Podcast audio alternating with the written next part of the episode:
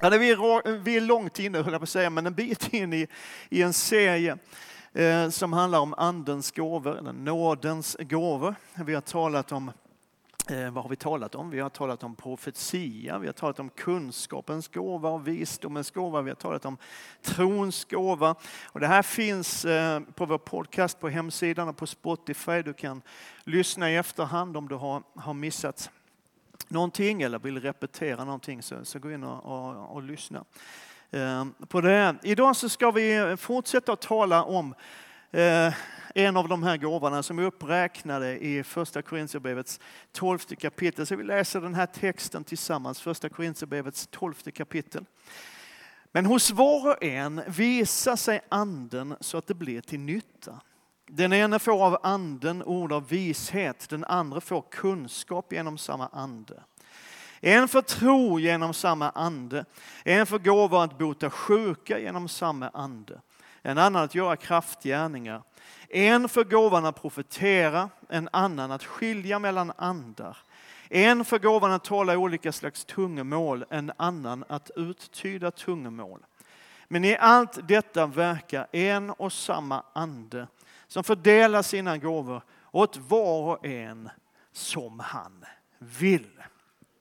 Och när vi går in i den här eh, undervisningen så, så är vi väldigt medvetna om att det finns fler gåvor än de här nio som är uppräknade här. Det finns åtminstone ett 20-tal, 23 tror jag, till och med saker som är nämnda som nådegåvor i Nya Testamentet. Men vi har valt under den här serien att fokusera lite grann på de, de här som finns här i första Korinthierbrevet 12.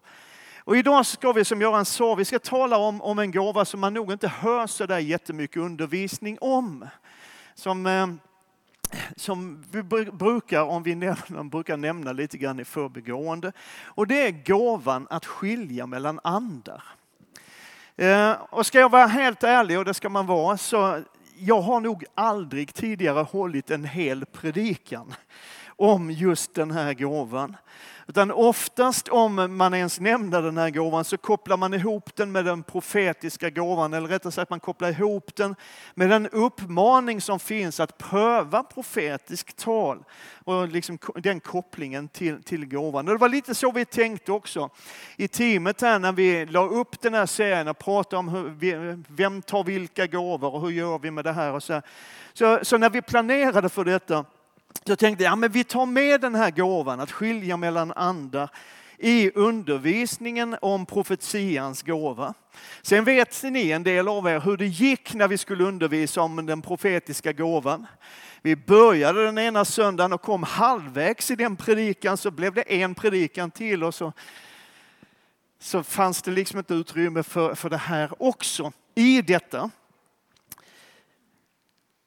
Och vi tänkte liksom, ja men den går nog att stoppa in någonstans. Men så började jag att, att läsa på lite grann, studera lite grann, samla material. Jag insåg i slutet av förra veckan faktiskt att jag har nog material för två predikningar. Och det är lite, lite, jag tycker själv att det är lite roligt, för jag har predikat ganska många år. Och liksom man går från att, att ja, men det här kan vi stoppa in någonstans till att det här får inte plats. Så det blir nog två predikningar om gåvan att skilja mellan andra. Vi får se, jag predikar på en stund och sen när jag märker på dig att nu har du zonat ut fullständigt så, så lägger jag av så fortsätter vi nästa söndag. Är det okej? Okay? Bra. Och grejen är att för det mesta så presenteras den här gåvan att skilja mellan andra som en gåva som avslöjar mörkret, som exponerar demonisk aktivitet och skumma motiv och jag tror att den här gåvan är mer än så, att den har ett bredare spann. Jag tror att det här är en gåva som inte bara säger gå inte dit, utan som också säger men gå dit istället. Alltså gåvan att skilja mellan andra, den är till, det är en av funktionerna i den, är att avslöja mörker, att avslöja ondska och det som är falskt. Och det är viktigt. Johannes skriver och varnar oss. Han säger så här, mina älskade, tro inte varje ande. Utan pröva om andarna kommer från Gud. Det finns ju många falska profeter som har gått ut i världen. Och det, det, Det är väl en bra uppmaning till oss alla. Tro inte på allt. Jag vill säga, tro inte allt du tänker. men, men, tro inte på allt. Ha lite grann urskiljning. Var lite grann, utan att, att liksom vara rädd och, full, full av fruktan. Var lite grann försiktig med vad du lånar ditt öra till. För det finns mycket som är falskt och som är fel. Paulus skriver till Timoteus om den sista tiden att anden säger tydligt att i de sista tiderna kommer några att avfalla från tron och följa villoandar och onda andars läror förledda av hycklare, hycklande lögnare som är brännmärkta i sina samveten. Den engelska översättningen NIV säger att, att deras samvete är seared, alltså stekta samveten. Då är det bra bränt, eller hur? Och till församlingen i Kolosser skriver Paulus, se till att ingen fångar er, eller en annan översättning säger att ingen rövar bort er. Med den tomma och förrädiska filosofi som bygger på mänskliga traditioner och, och eh, världsliga makter och inte på Kristus. Så det här är viktigt. Ett skydd mot att hamna fel. Och det på Nya Testamentets tid så florerade en mängd villolärare och avarter och sammanblandning mellan kristen tro och andra religioner och försök att mixa kristen tro med moderna filosofier och trender. Och, så här. och vi kan ju bara konstatera att det är ju inte direkt mindre av sånt idag i vår tid, eller hur? Och vi behöver urskiljning. Vi behöver en gåva att skilja mellan andar, att skilja mellan det som är ont och det som är gott, det som är sant och det som är falskt, det som är rätt och det som är fel. Och det finns ett grundkriterium, jag vill bara lägga en liten grund för det här idag.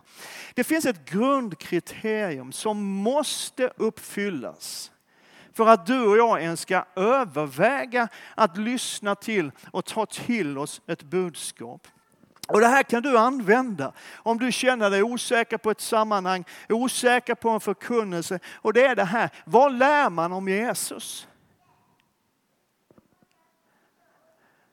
Alla rörelser, alla sammanhang som kallar sig kristna har naturligtvis någon sorts undervisning om Jesus och vem han är och, och vad han har gjort och vad han kommer att göra. Frågan är, vad är det man undervisar? För undervisningen om Jesus, inställningen till Jesus är totalt avgörande för allt. Och kommer man fel där så blir hela bygget fel. Paulus skriver i ett sammanhang att man kan inte lägga någon annan grund än den som redan är lagd, Jesus Kristus. Och vi läste från första Johannesbrevet 4 här för en stund sedan. Så här står det om man läser hela sammanhanget. Mina älskade, tro inte varje ande, utan pröva om andarna kommer från Gud. Det finns ju många falska profeter som har gått ut i världen. Så känner ni igen Guds ande. Varje ande som bekänner att Jesus är Kristus, som har kommit i köttet, den är från Gud. Och varje ande som inte bekänner Jesus, den är inte från Gud. Detta är Antikrists ande som ni har hört skulle komma och som redan nu finns i världen. 1917 års översättning, den gamla översättningen, den säger att var och en ande som inte så bekänner Jesus, det vill säga som inte på det sättet efter de här kriterierna att Jesus är Kristus, den smorde, den utvalde Messias, den som gamla testamentet har profeterat och förutsagt att han är Guds son. Varje ande som inte på det sättet bekänner Jesus är inte av Gud. Och du vet, det finns ju inte, säger man, inte mycket, mycket nytt under solen. Alltså genom hela kristenhetens historia så har det funnits rörelser och sammanhang som har haft en annan undervisning om Jesus än den som Nya Testamentet ger oss. Och så har man på olika sätt Bland annat om man ifrågasätter Jesu gudom. Att han är Gud av evighet. Man har ifrågasatt att det var Gud själv som genom sonen klev in i den här världen. Man har ifrågasatt att det var Gud själv som led och dog för våra synder.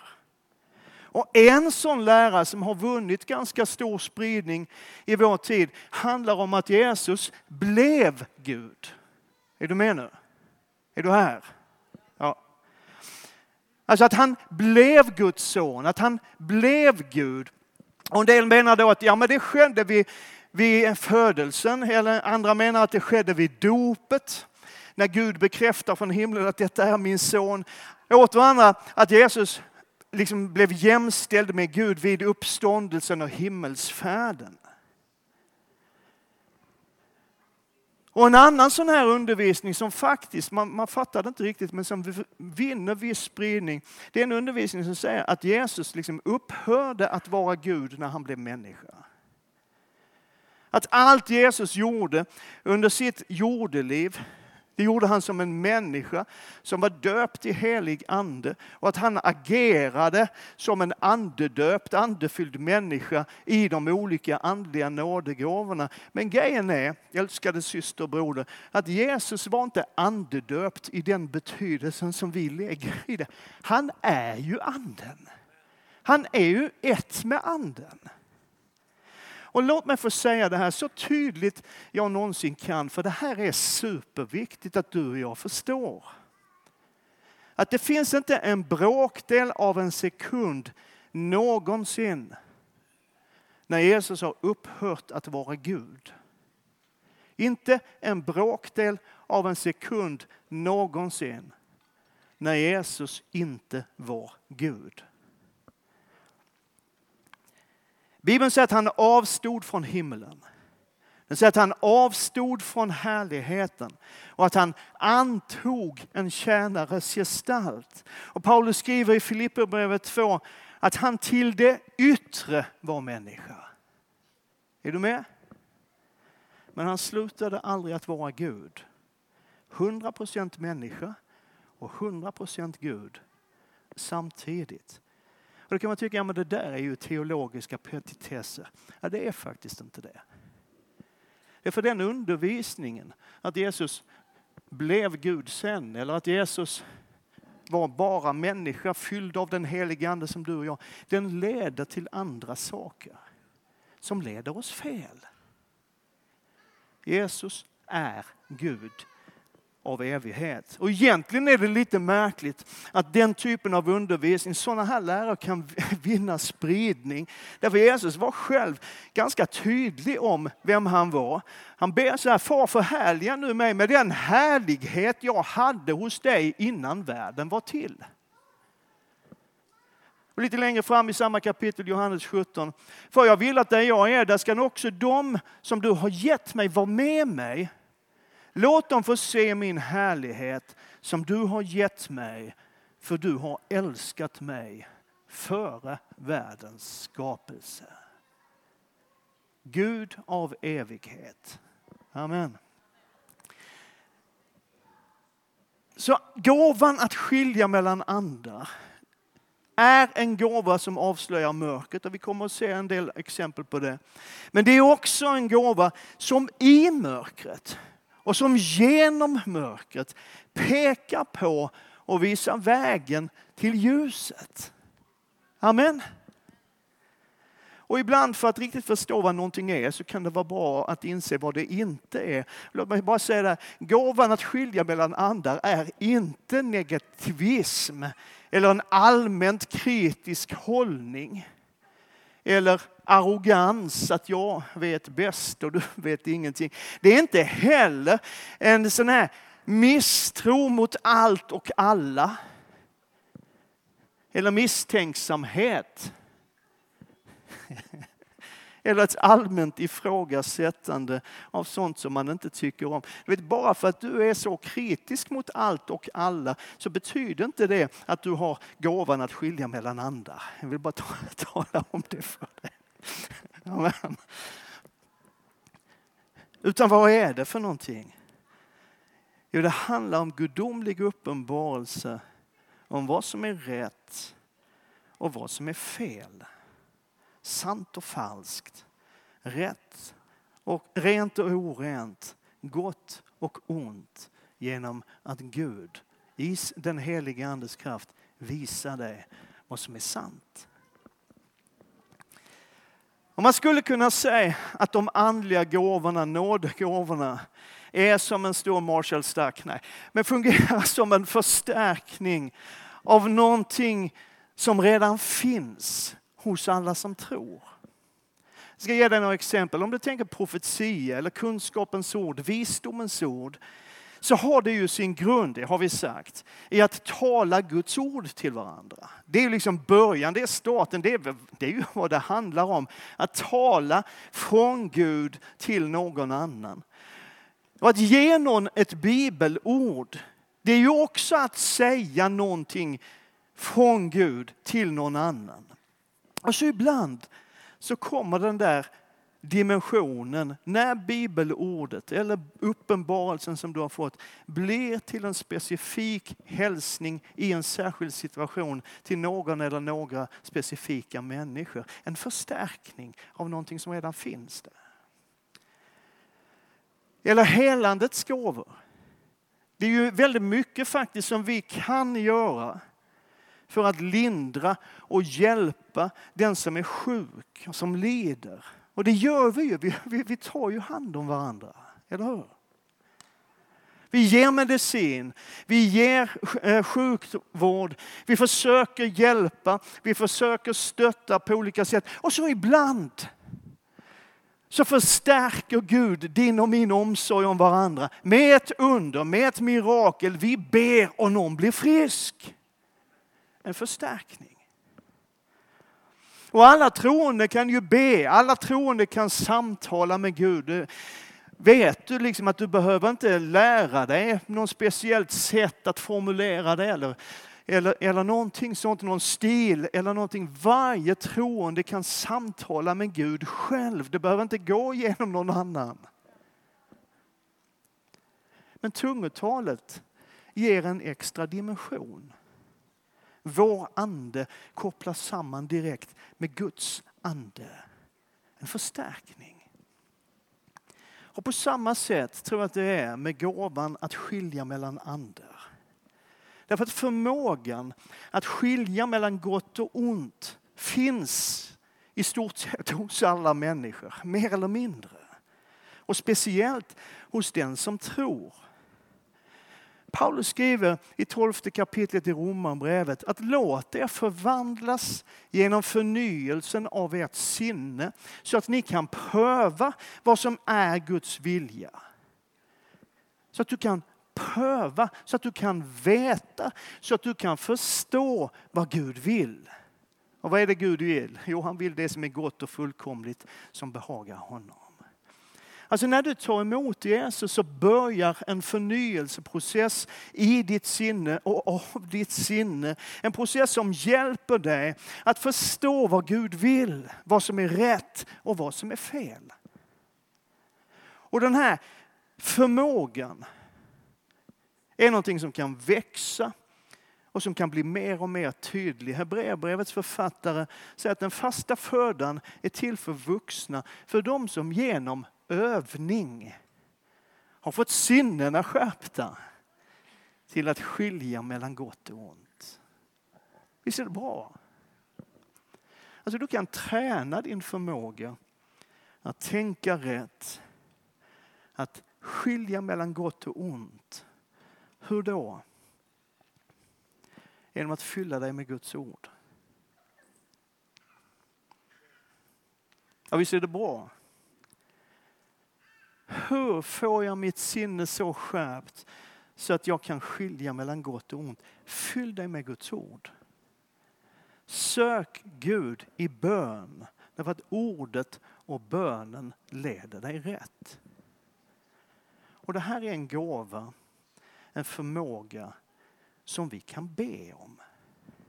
Det står så här i första kungabokens tredje kapitel. När Salomo har tagit över kungatronen, blivit kung efter sin far, så ber han och så säger han så här, du Herre min Gud, har nu gjort din tjänare till kung efter min fader David. Men jag är bara en ung man, jag vet varken ut eller in. Tänk om fler unga människor kunde erkänna det. Det är ett starkt ord till dig som är lite yngre än oss som är lite äldre. Din tjänare är här bland ditt folk som du har utvalt. Ett folk så stort och talrikt att det inte kan räknas på grund av sin mängd. Ge din tjänare ett lydigt hjärta så han kan vara domare för ditt folk och skilja mellan gott och ont. Och vet du, Gud svarade på Salomos bön. Och det står att det gladde Herren att Salomo bad om detta. Gud sa till honom, eftersom du har bett om detta och inte bett om ett långt liv och rikedom eller dina fienders liv utan att kunna förstå vad som är rätt. Därför vill jag göra som du önskar och ge dig ett så vist och förståndigt hjärta att ingen som du har funnits före dig och inte heller ska komma efter dig. Där, där, har du ett bibelord på. Du kan aldrig bli smartare än Salomo. Det har du Guds ord på.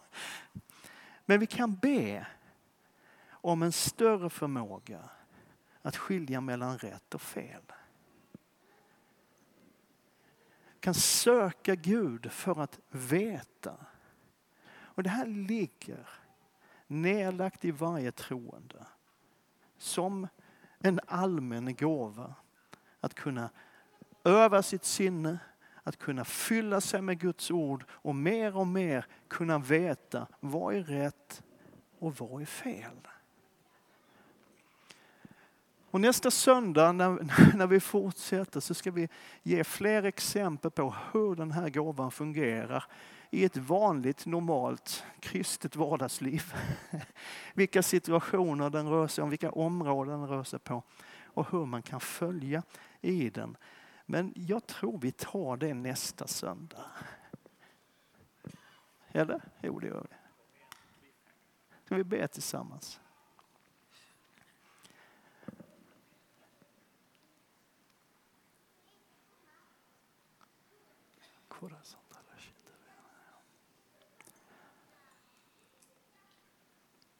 Herre, vi vill vara ditt folk.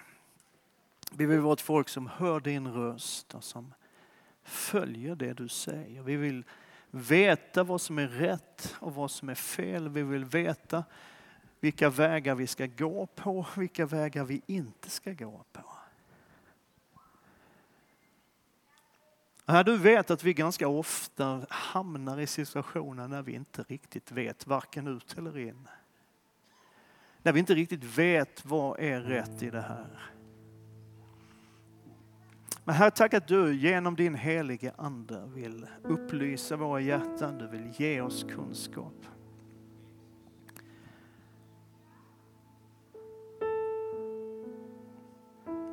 Och här du vet ifall det finns någon speciellt med oss idag som brottas på något område. Och kanske speciellt känner igen sig i Salomos ord, jag vet varken ut eller in.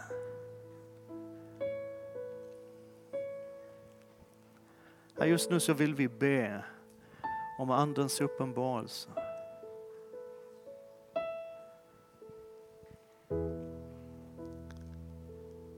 Att du genom din heliga Ande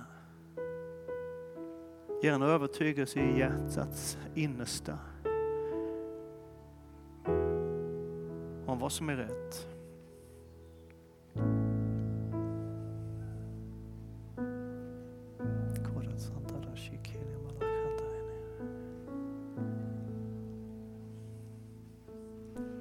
Ja, du ser den som kämpar med ett livsbeslut. Ett stort vägval.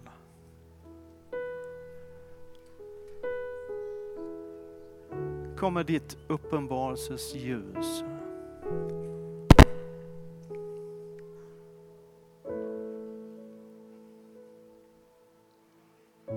Du ser den som kämpar med vad man egentligen ska tro.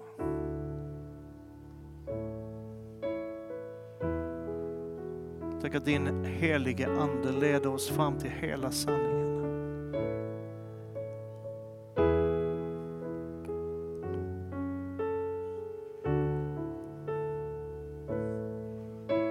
Jag ber för den som kämpar med just det som Göran nämnde i början av vår gudstjänst. Som undrar var du är.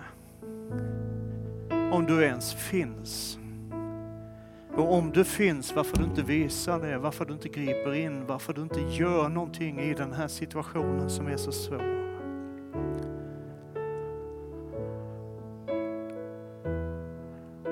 Kom helig Ande.